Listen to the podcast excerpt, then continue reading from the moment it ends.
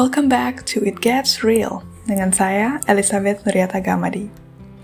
Kayaknya udah sekian purnama ya nggak muncul, um, tapi aku seneng sih bisa kembali dan ngobrol-ngobrol lagi di sini.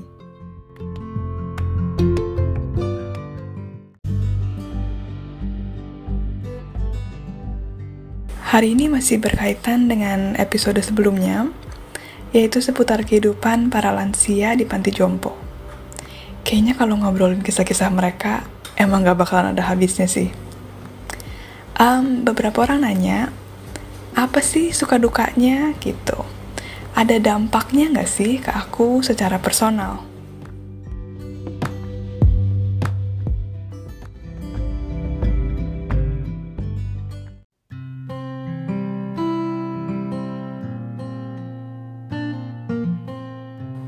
Aku mungkin mulai dari sukanya dulu kali ya. Yang pertama, aku dapat banyak banget cerita seru. Dan bukan cuma sembarang cerita gitu, karena ini pengalaman hidup yang yang real, true story. Ada satu oma ya, dia cerita kalau dia dulu kerjanya di Inggris waktu zaman perang dunia. Aku lupa nih, pertama apa kedua. Pokoknya tugasnya tuh yang memecahkan kode gitu. Karena waktu itu perang dilakukan dengan ya pakai berbagai pakai kode-kode rahasia gitu ya. Jadi salah satu strategi perangnya adalah mencoba untuk memecahkan kode musuh biar kebaca taktik mereka. Jadi orang-orang pinter zaman itu dikumpulin untuk tugas memecahkan kode ini.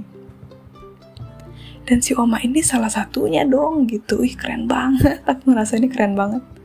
Kalau teman-teman ada yang nonton Imitation Game, yang filmnya Benedict Cumberbatch, mungkin bakal dapat gambaran ini nih yang lebih jelas.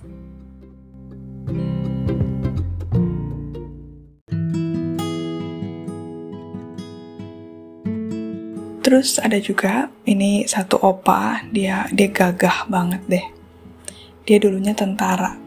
Terus dia bilang kalau dia pernah jadi tahanan perang waktu ngelawan Jepang.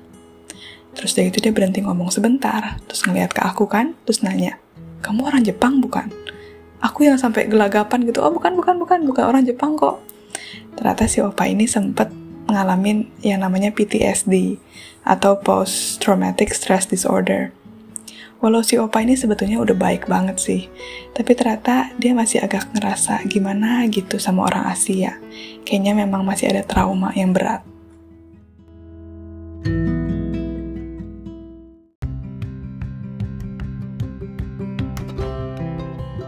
Ngomong-ngomong si opa ini ya, dia pernah nanya ke aku, Liz, kamu pernah dijodohin gak? Terus si opa cerita, um, kalau dia barusan ini dijodohin gitu. Terus dia bilang, ceweknya oke okay sih, tapi aku memutuskan aku gak mau gitu. Pas aku tanya, kenapa? Si opa bilang, aku gak terlalu suka sama cewek yang lebih tua. Cewek ini 4 tahun lebih tua. Teman-teman, si opa ini usianya 99 dong. Aku udah yang glek. Wah, cewek yang kemarin 103. Astaga. Tapi yang oke, okay, opa, your choice.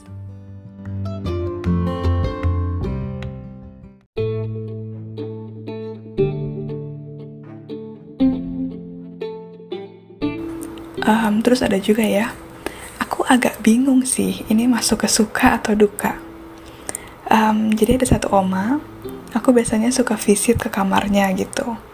Terus pada suatu hari dia bilang Lis tolong tutup deh hordennya. Aku aku iyain gitu kan jadi aku tutup.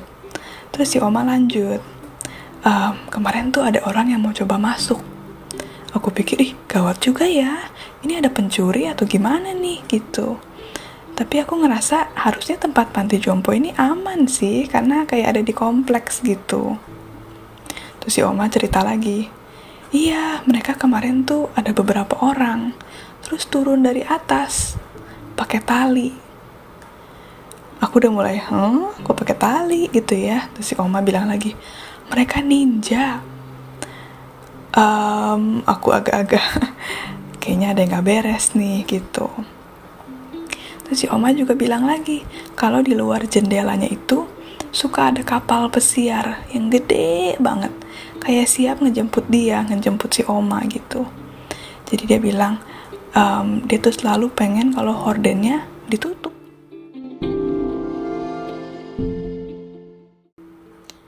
Aku aku jadi bingung banget gitu kan ya. Ini maksudnya gimana ini? Terus setelah dia telusuri, ternyata um, si oma ini yang udah mengalami demensia ternyata didiagnosa juga skizofrenia. Jadi penampakan ninja sama kapal pesiar itu bentuk dari halusinasinya. Jadi teman-teman yang sering ngomong, halo, hati-hati ya, halu yang sesungguhnya kayak gini nih. Si Oma ini juga sering berusaha kabur gitu tuh ini juga salah satu gejala dari skizofrenianya. Dan untuk orang-orang yang ada gangguan skizofrenia, mereka itu percaya bahwa yang mereka lihat itu real, dan itulah realitanya buat mereka. Jadi sering kali dalam banyak kasus, dan dalam kasus si Oma, um, aku nggak bisa tuh ngomong kalau, ah Oma itu mah nggak ada, cuma di pikiran Oma aja. Karena pendekatan ini justru nggak efektif. Jadi pada waktu itu aku jadi mendadak harus belajar juga tentang gimana nih handle yang baik dan efektif. Gara-gara itu aku jadinya sering disuruh nemenin si oma terus menerus gitu. Nggak boleh lengah karena kan kalau nggak ada kecenderungan untuk kabur gitu kan. Nah dari situ jadinya aku belajar banyak tentang orang yang memiliki gejala skizofrenia. Kalau sekarang sih aku ngelihatnya bersyukur gitu ya bersyukur ada proses pembelajaran itu. Walaupun waktu itu mah yang berasa ini duka aja gitu.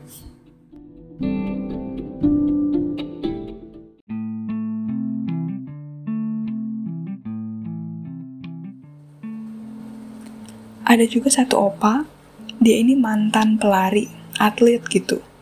Tinggi banget si opa ini, mungkin 2 meteran kali ya si opa ini jadi sukanya tuh jalan terus gitu ya. Dia suka muter-muter gitu.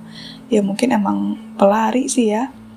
Dan setiap jalan dia ketemu orang dia pasti nanya what time is it? Jam berapa sekarang? Jam berapa sekarang? Jam berapa sekarang? Pertanyaan ini tuh terus berulang gitu. Jadi kayak bisa setiap dua menit sekali dia bakal nanya ke aku jam berapa sekarang? Jam berapa sekarang? gitu kan. Aku terakhirnya baru tahu kalau si opa ini dibilangin kalau biar dia sehat, dia itu harus rajin minum obat. Dan obat ini akan dikasih setelah makan siang. Jadi setelah itu tuh dia selalu nggak mau kelewatan jam makan siang. Itulah kenapa dia terus nanya. Gitu. Ini melatih kesabaran yang luar biasa, beneran deh.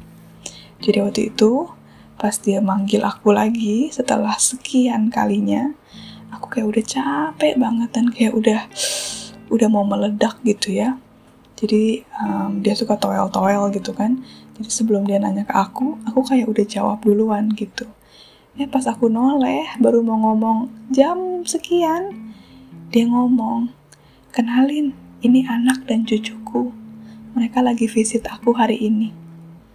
Wah bener-bener ngerasa emosional banget gitu karena si opa yang gak pernah ngomong lain selain menanyakan waktu, dia cerita bahwa dia hari ini lagi dikunjungi oleh keluarganya. Dan aku merasa kayak dia nggak keluarga sama dia. Sampai bahkan dia dikenalin dan ditawarin untuk makan bareng. Makan bareng gitu. Wah, itu perasaan yang sangat spesial.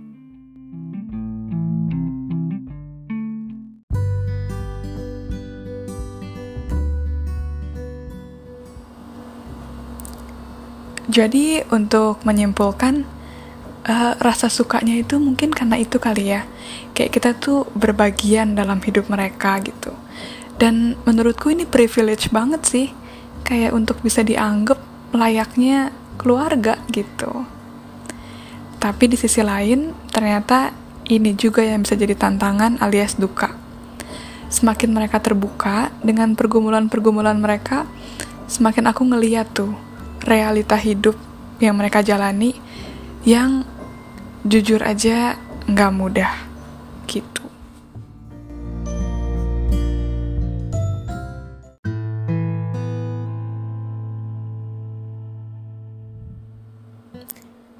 Ada ada satu oma ya, dia mengalami tingkat demensia yang cukup parah. Jadi biasanya dia duduk di paling pojok, di paling belakang gitu ya. Duduknya pasti di situ-situ terus, di kursi yang sama. Nggak ngomong sama siapa-siapa.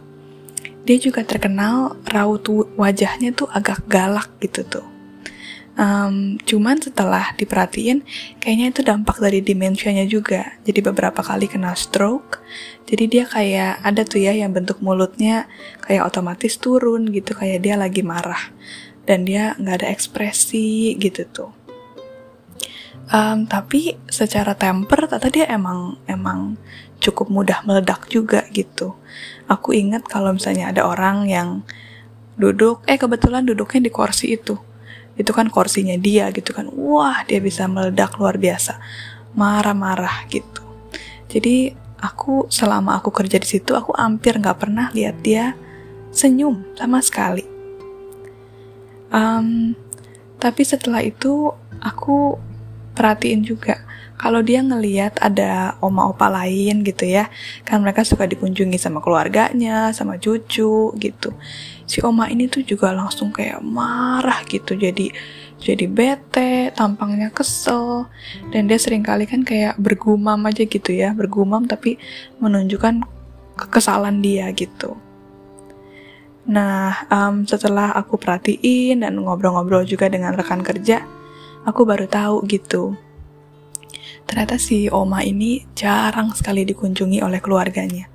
Bisa dibilang satu kali cuma satu tahun gitu ya. Jadi sangat-sangat jarang.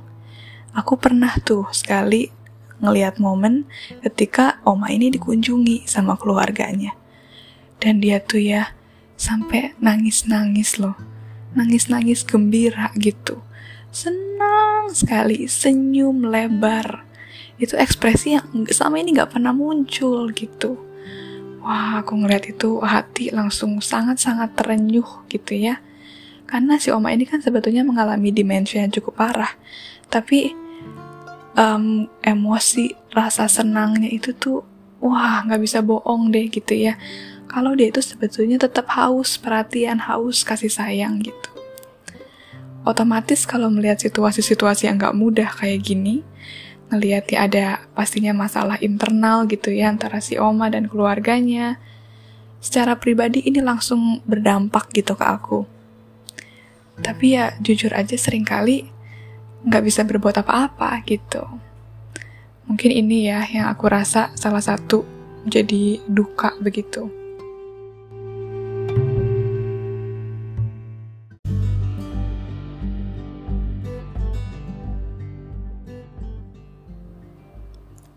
Um, aku juga ingat ada satu oma, dia pernah nanya ke aku, Lis kalau di budaya kamu, um, aku dengar di budaya Asia gitu ya, oma opa tuh rata-rata tinggalnya sama keluarga mereka ya, dan gak di panti jompo ya, gitu.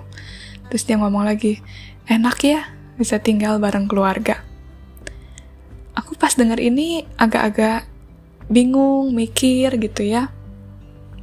Karena menurutku ini menarik di budaya Asia, di Indo secara khusus, sering kali kan anggapan yang muncul um, kita sirik gitu tuh sama budaya Barat yang konon punya panti jompo bagus gitu kan. Jadi si oma opa itu bisa lebih independen, punya freedom, dan gak harus selalu tinggal sama keluarganya yang kayaknya tuh banyak konflik, banyak drama lah gitu kan istilahnya ketika tinggal dengan keluarga sendiri. Tapi ternyata dari sudut pandang kebaliknya, sebaliknya gitu ya, um, oma opa yang tinggal di panti jompo di Australia gitu, mereka bak mereka justru ngerasa tinggal sama keluarga itu privilege gitu. Ini aku pikir menarik sekali ya gitu dan mungkin buat kita perlu tahu juga, perlu dengar juga gitu bahwa um, ternyata itu ada ada ada berkat tersendiri ya bisa tinggal sama keluarga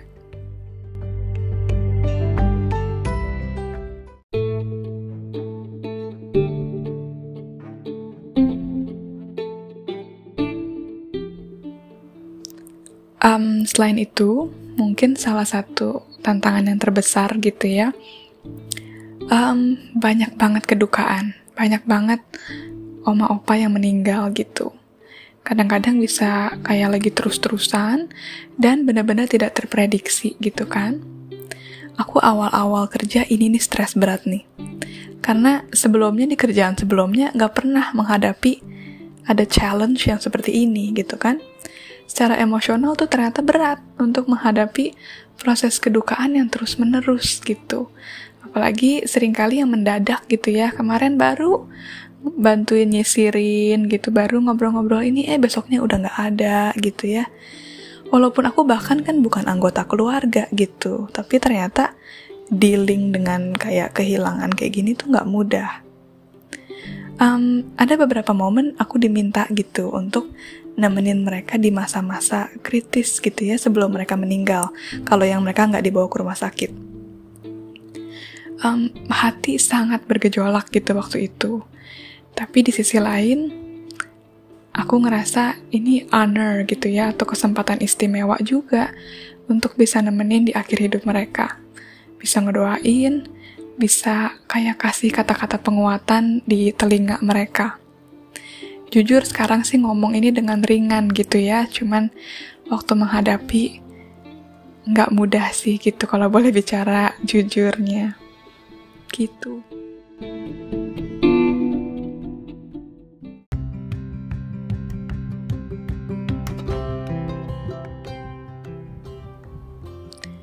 uh, teman-teman kayaknya makin ke sini makin mellow gitu ya.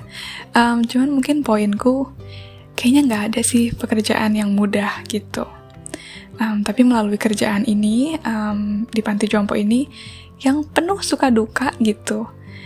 Aku kayak baru belajar kalau pekerjaan kita bakalan lebih berarti kalau apa yang kita lakuin itu punya dampak buat orang lain.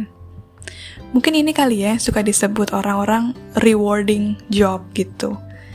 Um, aku baru ngeh juga gitu karena lewat kerjaan kita tuh bisa memberikan kasih dan kasihnya ini dalam berbagai bentuk. Dan sering kali kasih ini adalah salah satunya kasih yang mereka terima karena mungkin mereka nggak terima dari orang-orang lain. Uh, jadi ya mungkin aku mau encourage aja gitu ya, di mana pun teman-teman kerja sekarang, mungkin bisa dilihat di sekeliling gitu ya, kira-kira dampak apa ya yang kita bisa kasih di tempat kerja? Kayak bentuk kasih yang seperti apa sih yang kita bisa tunjukin? Dan mungkin rupanya beda-beda gitu kan ya, nggak harus kayaknya nggak bakal ada satu pola yang bisa sama dan bisa diaplikasiin buat semua mungkin bisa hal kecil gitu ya kita bisa beliin makanan online gitu ke rekan kerja gitu ya. Atau enggak kita bisa ada building connection yang one on one yang mungkin dengan itu kita bisa jadi lebih dekat bisa jadi lebih ada obrolan-obrolan yang lebih dalam atau atau apa pun gitu. Cuman aku percaya kayaknya itu bakal membuat kerjaan kita lebih berarti begitu ketika bisa ada dampak buat orang lain. Dan mungkin nggak melulu juga di tempat kerjaan, tapi bisa di keluarga kita juga. Karena sering kali realitanya gitu ya, ketika kita lagi sibuk-sibuknya meniti karir, kita suka lupa tuh kalau orang tua kita juga semakin lama semakin tua. Dan terkadang yang efektif adalah ketika kita bisa kasih, memberikan kasih itu tuh di dimulai dari ruang lingkup keluarga, tempat kerja, dan di mana pun. Semangat teman-teman, you guys are not alone. Thank you udah ngedengerin. Sampai ketemu di episode berikutnya. See you soon.